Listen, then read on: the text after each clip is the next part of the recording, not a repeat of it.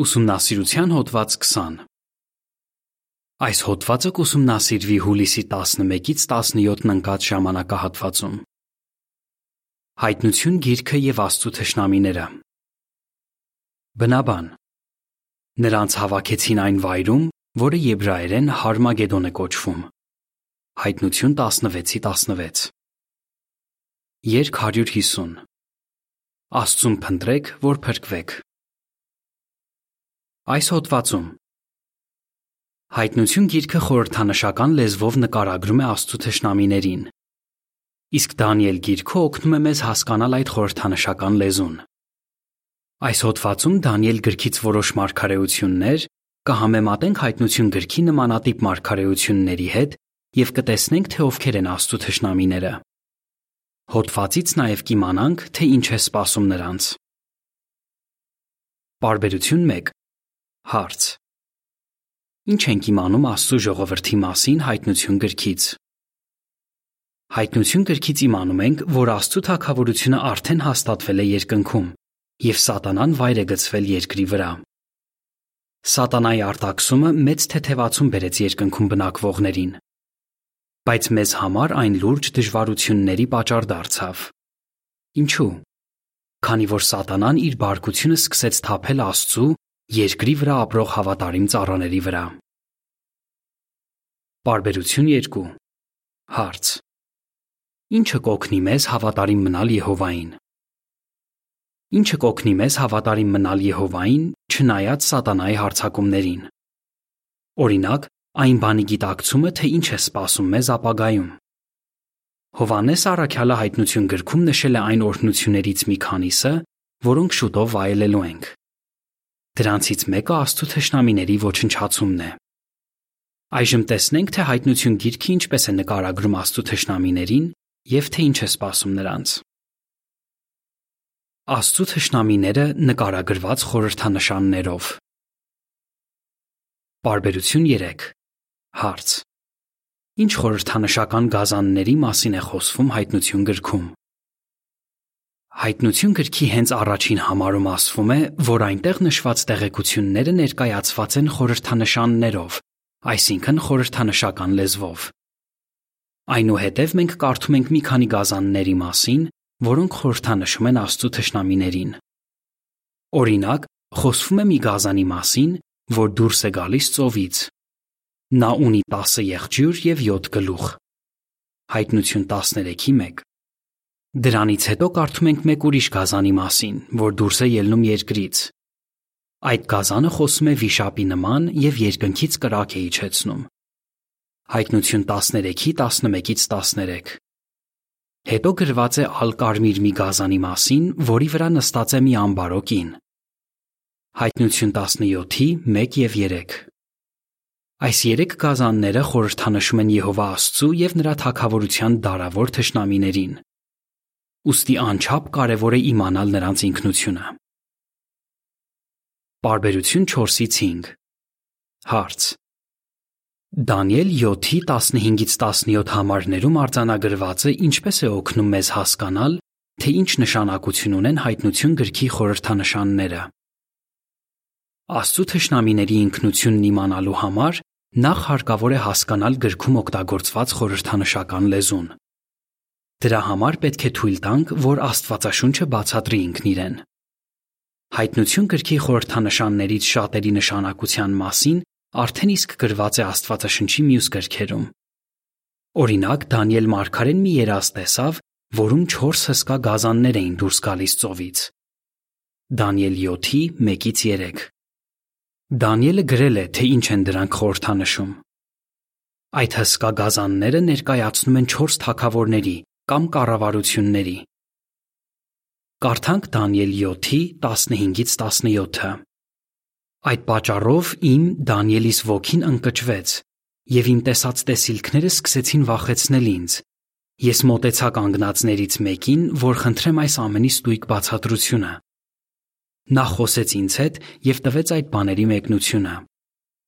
Այն, որ այդ հսկա գազանները 4-ն են, նշանակում է, որ 4 թակավորներ են վեր կենալու երկրից։ Այս པարզ բացատրությունն օգնում է մեզ հասկանալ, որ հայտնություն գրքում նկարագրված գազանները նույնպես քաղաքական ուժեր են ներկայացնում։ Այժմ քննենք հայտնություն գրքում նշված խորհրդանշաններից մի քանիսը։ Տեսնենք, թե ինչպես է Աստվածաշունչը օգնում մեզ հասկանալ դրանց նշանակությունը։ Նախ կիմանանք, թե ում են ներկայացնում գազանները։ Հետո կտեսնենք, թե ինչ է լինելու նրանց եւ թե ինչ են այդ իրադարձությունները նշանակում մեզ համար։ Աստծո թշնամիների ինքնությունը բացահայտված է։ Բարբերություն 6 Հարց. Ինչ է խորհրդանշում հայտնություն 13-ի 1-ից 4 համարներում նշված 7 գլուխ ունեցող գազանը։ Ինչ է ներկայացնում 7 գլուխ ունեցող գազանը։ Կարդանք հայտնություն 13-ի 1-ից 4-ը։ Նա անշարժ կանգնեց ծովի ավազի վրա եւ տեսա մի գազան, որ դուրս էր գալիս ծովից։ Նա 10 եղջյուր եւ 7 գլուխ ուներ եւ իր եղջյուրներին տասը թագ ու իր գլուխներին հայհոյալից անուններ։ Այդ գազանը, որին տեսա, նման էր ընձառյուծի, բայց նրա ոտքերը արջի ոտքերի էին նման, իսկ բերանը առյուծի երախի։ Եվ վիշապը գազանին տվեց զորություն, գահ եւ մեծ իշխանություն։ Ես տեսա, որ նրա գլուխներից մեկը ասես մահացու վիրավոր լիներ, բայց նրա վերքը բուժվեց, եւ ողջ երկիրը հիացմունքով գնաց գազանի հետևից։ Մարդիկ երկրպագեցին վիշապին, որովհետև նա իշխանությունը տվեց Գազանին, եւ երկրպագեցին Գազանին ասելով. Ով է նման Գազանին, ով կարող է պատերազմել նրա դեմ։ Տեսնում ենք, որ այս Գազանը նման է ընձառյուծի, բայց ունի արջի ոտքեր, առյուծի երախ եւ 10 եղջյուր։ Նմանատիպ առանձնահատկություններ ունեն նաև Դանիել 7-րդ գլխում նկարագրված 4 գազանները։ Սակայն հայտնություն գրքում այս առանձնահատկությունները բնորոշ են ոչ թե 4 առանձին գազանների, այլ մեկ գազանի։ 7 գլուխ ունեցող գազանը չի ներկայացնում մեկ կառավարություն կամ մեկ աշխարակալ ուժ։ Հովանեսն ասում է, որ այն իշխանություն ունի ամեն ցեղի, ժողովրդի, լեզվի ու ազգի վրա։ Հայտնություն 13:7 Ոստի այս գազանը ներկայացնում է մեկ կառավարությունից շատ ավելի հզոր մի բան։ Այն խորհրդանշում է բոլոր քաղաքական ուժերը, որոնք ողջ պատմության ընթացքում իշխել են մարդկության վրա։ Ծանոթագրություն. Կա եւս մեկ ապացույց, որ 7 գլուխ ունեցող գազանը ներկայացնում է բոլոր քաղաքական ուժերը։ Այդ գազանն ունի 10 եղջյուր։ 10 թիվը Աստվածաշնչում հաճախ ամբողջություն է նշանակում։ Ծանոթագրության ավարտ։ Բարբերություն 7 Հարց. Ինչ է ներկայացնում Գազանի 7 գլուխներից յուրաքանչյուրը։ Ինչ է ներկայացնում 7 գլուխներից յուրաքանչյուրը։ Պատասխանը գտնում ենք հայտնություն 17-րդ գլխում, որտեղ տրվում է հայտնություն 13-րդ գլխում նշված Գազանի պատկերի նկարագրությունը։ Հայտնություն 17-ի 10-ում կարդում ենք. Դրանք 7 թակավորներ են։ 5-ը ընկան, մեկը կա, մյուսը դեռ չի եկել, բայց երբ գա, կարճ ժամանակ պիտի մնա։ Բոլոր այն քաղաքական ուժերից, որ սատանան օգտագործել է, միայն 7-ն են համեմատվում գլուխների հետ։ Դրանք այն աշխարակալ ուժերն են, որոնք մեծ ազդեցություն են ունեցել Աստծո ժողովրդի վրա։ Հովանեսի օրերում դրանցից 5-ը արդեն հայտնվել էին աշխարհի թատերաբեմում՝ Եգիպտոսը, Ասորեստանը, Բաբելոնը, Մարապարսկաստանը եւ Հունաստանը։ Վեցերորդ աշխարհակալ ուժը Հռոմն էր, եւ այն դեռ իշխում էր, երբ Հովանեսը ստացավ այս հայտնությունը։ Իսկ ո՞րն էր լինելու 7-րդ գլուխը կամ վերջին աշխարհակալ ուժը։ Բարբերություն 8 Հարց. Ում է խորհրդանշում Գազանի 7-րդ գլուխը։ Դանիել գրքի մարգարեությունները օգնում են մեզ հասկանալ, թե ում է ներկայացնում Գազանի 7-րդ գլուխը որ աշխարակալ ուժն է իշխում այս վերջին օրերում, այսինքն տիրոջ օրվա ընթացքում։ Դա անգլո-ամերիկյան աշխարակալ ուժն է, որը կազմված է երկու հզոր տերություններից՝ Միացյալ Թագավորությունից եւ Ամերիկայի Միացյալ Նահանգներից։ Ոստի կարող ենք եզրակացնել, որ այն հայտնություն 13-ի 1-ից 4 համարներում նկարագրված գազանի 7-րդ գլուխն է։ Բարբերություն 9 Հարց. Ինչ է խորհրդանշում այն գազանը, որը երկու եղջյուր ունի, որոնք նման են գառան եղջյուրների։ Հայտնություն 13-րդ գլխում այնուհետև նշվում է, որ գազանի 7-րդ գլուխը, անգլո-ամերիկյան աշխարակալ ուժը, հանդես է գալիս նաև որպես մի գազան, որը երկու եղջյուր ունի, որոնք նման են գառան եղջյուրների, եւ որը խոսում է վիշապի նման։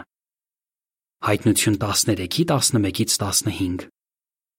Հայտնություն 16-րդ եւ 19-րդ գլուխներում այս գազանը կոչվում է սուտ մարգարե։ Իր տեսիլքում Հովանեսը տեսնում է, որ այս գազանը մեծ նշաններ է անում, այնպես, որ նույնիսկ երկնքից կրակ է իջեցնում երկրի վրա մարդկանց աչքերի առաջ։ Հայտնություն 13-ի 11-ից 15 Նմանատիպ բան է նշում նաև Դանիելը, անգլո-ամերիկյան աշխարակալ ուժի վերաբերյալ ասելով, որ այն ավերելու է զարմանալի կերպով։ Դանիել 8:24 Դա տեղի ունեցավ երկրորդ աշխարհամարտի ժամանակ։ Ճապոնիայի վրա երկու ատոմային ռումբ նետվեց, ինչը վճռորոշ դեր խաղաց պատերազմին վերջ դնելու հարցում։ Դրանք ստեղծվել էին Բրիտանիայի եւ Միացյալ Նահանգների գիտնականների կողմից։ Այդպիսով անգլո-ամերիկյան աշխարակալ ուժը երկնքից կրակ իջեցրեց երկրի վրա մարդկանց աչքերի առաջ։ Բարբերություն 10 Հարց. Ինչ է ներկայացնում գազանի պատկերը։ Այնուհետև խոսվում է մեկ այլ գազանի մասին, որը նման է 7 գլուխ ունեցող գազանին, սակայն մի տարբերությամբ։ Այն ալկարմիր է։ Վերջինս կոչվում է գազանի պատկեր եւ նկարագրվում է որպես 8-րդ թագավոր։ Ծանոթագրություն։ Ի տարբերություն առաջին գազանի, գազանի պատկերի եղջյուրների վրա թագեր չկան։ Պատճառն այն է, որ նա այն 7-ից է առաջ գալիս, այսինքն մյուս 7 թագավորներից, եւ իր իշխանությունը նրանցից է ստանում։ Ծանոթագրության ավարտ։ Կարդանք հայտնություն 13-ի 14-ը, 15-ը, 17-ի 3-ը, 8-ը եւ 11-ը։ 13-ի 14 եւ 15 Նա մոլորեցնում էր երկրի վրա բնակվողներին այն նշաններով, որոնք իրեն թույլ էր տրվել անելու գազանի առաջ։ Եվ ասում էր երկրի վրա բնակվողներին, որ պատրաստեն գազանի պատկերը, որը վիրավորվել էր սրով, բայց նորից կենթանացել էր։ Եվ նրան թույլ տրվեց, որ շունչ տա գազանի պատկերին, որպեսի գազանի պատկերը եւ խոսի, եւ սپانել տա բոլոր նրանց, ովքեր ոչ մի ձևով չեն երկրպագի գազանի պատկերին։ 17:3 Նա ոգու զորությամբ ինձ մի անապատ տարավ, եւ տեսա մի կին, որ նստած էր ալ կարմիր մի գազանի վրա, որը լիքն էր հայհոյալից անուններով եւ որը 7 գլուխ ու 10 եղջյուր ուներ։ 17-ի 8 Գազանը, որին տեսար, կար, բայց չկա, սակայն շուտով դուրս է գալու անդունդից ու դեպի կործանում է գնալու։ Եվ երբ երկրի վրա բնակվողները տեսնեն, թե ինչպես գազանը կար, բայց չկա, սակայն դեռ գալու է, կզարմանան ու կհիանան։ Բայց նրանց անունները գրված չեն կյանքի գրքում աշխարհը հիմնվելուց ի վեր։ 17-ի 11 Եվ Գազանը, որը կար, բայց չկա, նա էլ 8-րդ թագավորն է եւ այն 7-ից է առաջ գալիս ու դեպի կործանում է գնում։ Այդ թագավորը ի հայտ է գալիս, հետո անհետանում է եւ որոշ ժամանակ հետո կրկին հայտնվում։ Այս նկարագրությունը միանգամայն համապատասխանում է միավորված ազգերի կազմակերպությանը, որը առաջ է տանում համաշխարհային քաղաքական համակարգի շահերը։ Սկզբում այդ կազմակերպությունը կոչվում էր Ազգերի լիգա։ Սակայն երկրորդ աշխարհամարտի ընթացքում այն դուրս եկավ ասպարեզից, հետո կրկին հայտնվեց եւ սկսեց գործել որպես միավորված ազգերի կազմակերպություն։ Պարբերություն 11 Հարց. Ինչ են հրահրելու քաղաքական ուժերը եւ ինչու մենք չպետք է վախենանք նրանցից։ Գազանները կամ քաղաքական ուժերը կհրահրեն մարդկանց դուրս գալ Եհովայի եւ նրա ժողովրդի դեմ։ Փոխաբերական իմաստով նրանք կհավաքեն ողջ բնակեցված երկրի թակավորներին Արմագեդոն պատերազմի, ամենակարող Աստծու մեծ օրվա համար։ Հայտնություն 16-ի 13, 14 եւ 16 Բայց մենք վախենալու պատճառ չունենք։ Մեր հզոր Աստված Եհովան անմիջապես գործի կանցնի, որպեսի պաշտպանի բոլոր նրանց, ովքեր թիկունք են կանգնում իր իշխանությանը։ Բարբերություն 12 Հարց. Ինչ է լինելու բոլոր գազաններին։ Ինչ է լինելու բոլոր խորհրդանշական գազաններին։ Հայտնություն 19-ի 20-ը պատասխանում է այս հարցին։ Գազանը բռնվեց, նրա հետ նաև սուտ մարգարեն, որ նրա առջև նշաններ էր անում, որոնցով մոլորեցնում էր նրանց, ովքեր ընդունել էին գազանի նշանը, եւ նրանց, ովքեր երկրպագում էին նրա պատկերին։ Այս երկուսը ողջ-ողջ գծվեցին ծծմբով այրվող կրակի լիճը։ Ճիշտ է, Աստծո այս թշնամիները դեռևս ղեկավարում են, սակայն շուտով նրանք վերջնականապես ոչնչացվելու են։ Բարբերություն 13 Հարց. Որոշ կառավարություններ ինչ դժվարություն են ստեղծում քրիստոնյաների համար։ Ինչ է դա նշանակում մեզ համար։ Որպես քրիստոնյաներ, մենք պետք է նվիրված լինենք Աստծուն եւ նրա թագավորությանը։ Դրա համար անհրաժեշտ է չեզոք մնալ աշխարհի քաղաքական հարցերում։ Այդպիսի չեզոքություն պահպանելը, ինչ խոսք, շատ դժվար է, քանի որ կառավարությունները պահանջում են, որ լիարժեքորեն աջակցենք իրենց թե խոսքով, թե գործով։ Նրանք, ովքեր ենթարկվում են այդ ճնշմանը, թույլ են տալիս, որ գազանը նշան դնի իրենց վրա։ Այդ նշանն ունեցող մարդիկ կարժանանան Աստծո բարկությանը եւ չեն ստանա հավիտենական կյանք։ Ոստի անչափ կարևոր է, որ բացարձակապես չեզոք մնանք, անկախ նրանից, թե ինչ ճնշումների կենթարկվենք մեծ պորնիկի ամփառունակ վախճանը։ Բարբերություն 14 Հարց. Ինչ զարմանալի բան տեսավ Հովանես Առաքյալը։ Հայտնություն 17-ի 3-ից 5։ Կարդանք հայտնություն 17-ի 3-ից 5-ը։ Նա ոգու զորությամբ ինձ մի անապատ տարավ։ Եվ տեսա մի կին, որ նստած էր ալ կարմիր մի գազանի վրա, որը լիքն էր հայհոյալից անուններով եւ որը 7 գլուխ ու 10 եղջյուր ուներ։ Կինը ծիրանի եւ ալկարմիր էր հագել ու զարդարված էր ոսկով, թանկարժեք քարերով ու մարգարիտներով եւ իր ձեռքին ոսկե բաժակ ուներ, որը լիքն էր նողկալի բաներով եւ իր pornկության անմաքուր բաներով։ Նրա ճակատին գրված էր մի անուն՝ մի առեղծված, մեծ Բաբելոն, pornիկների ու երկրի նողկալի բաների մայր։ Հովանես առաքյալը մեկ ուրիշ բան էլ տեսավ, ինչը շատ զարմացրեց նրան։ Նա տեսավ մի կնոջ, որը հեծնել էր այդ կատաղի գազաններից մեկին։ Այդ կինը նկարագրվում է որպես մեծ պորնիկ եւ կոչվում է Մեծ Բաբելոն։ Նա երկրի թակավորների հետ պորնակություն է գործում։ Հայտնություն 17-ի 1, 2 եւ 6։ Բարբերություն 15-ից 16։ Հարց. Ինչ է Մեծ Բաբելոնը եւ որտեղից գիտենք դա։ Ինչ է Մեծ Բաբելոնը։ Այդ կինը չի կարող խորհրդանշել քաղաքական կազմակերպություն, քանի որ ասվում է, որ նա անբարոյություն է գործում այս աշխարհի քաղաքական առաջնորդների հետ։ Բացի այդ, այն, որ նա հեծնել է գազանին, ցույց է տալիս, որ փորձում է ղեկավարել այդ առաջնորդներին։ Նա նաև չի կարող խորհրդանշել սատանայի աշխարհի ագահ առևտրային տարերը, քանի որ դրանք հայտնություն գրքում կոչվում են երկրի ճամփորդող վաճառականներ։ Հայտնություն 18-ի 11։ Աստվածաշնչում pornik բառը կարող է վերաբերել նրանց, ովքեր պնդում են, թե ծառայում են Աստծուն, սակայն զբաղվում են կռապաշտության որևէ ձևով կամ ինչ որ այլ կերպով ընկերություն են անում աշխարհի հետ։ Իսկ նրանց մասին, ովքեր հավատարմորեն պաշտում են Աստծուն, ասվում է, որ նրանք մաքուր են եւ կույս։ Հին Բաբելոնը կեղծ պաշտամունքի կենտրոն էր համարվում։ Հետևաբար Մեծ Բաբելոնը ներկայացնում է կեղծ պաշտամունքի բոլոր ձևերը։ Այսպիսով այդ կինը խորհրդանշում է կեղծ կրոնի համաշխարային կայսրությունը։ Բարբերություն 17 Հարց. Ինչ է լինելու Մեծ Բաբելոնին։ Ինչ է լինելու Մեծ Բաբելոնին։ Հայտնություն 17-ի 16 եւ 17 համարները պատասխանում են այս հարցին։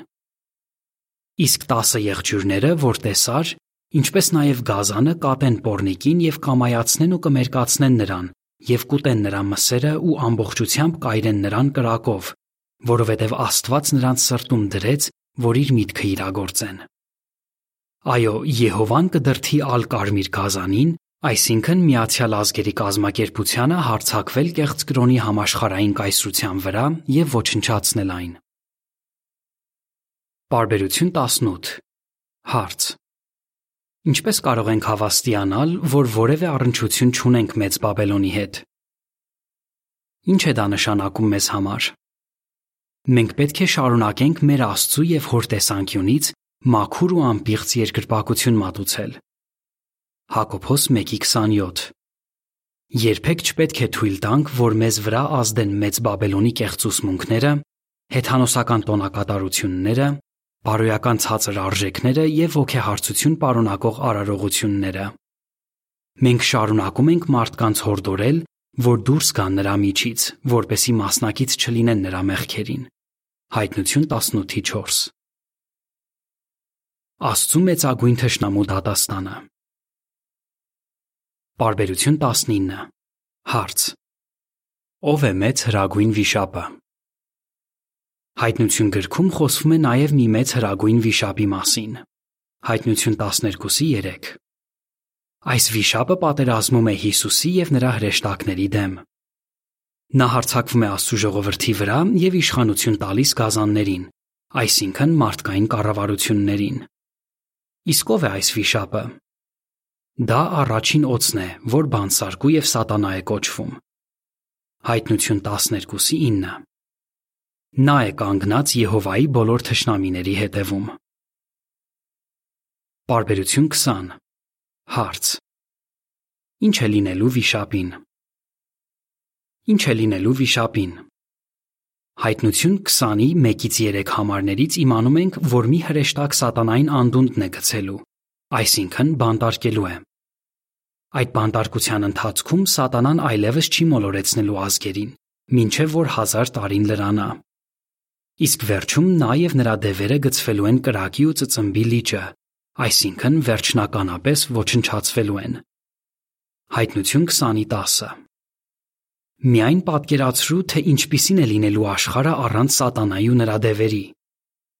Այո, մեզ հիանալի ժամանակներ են սպասում։ Բարբերություն 21 Հարց.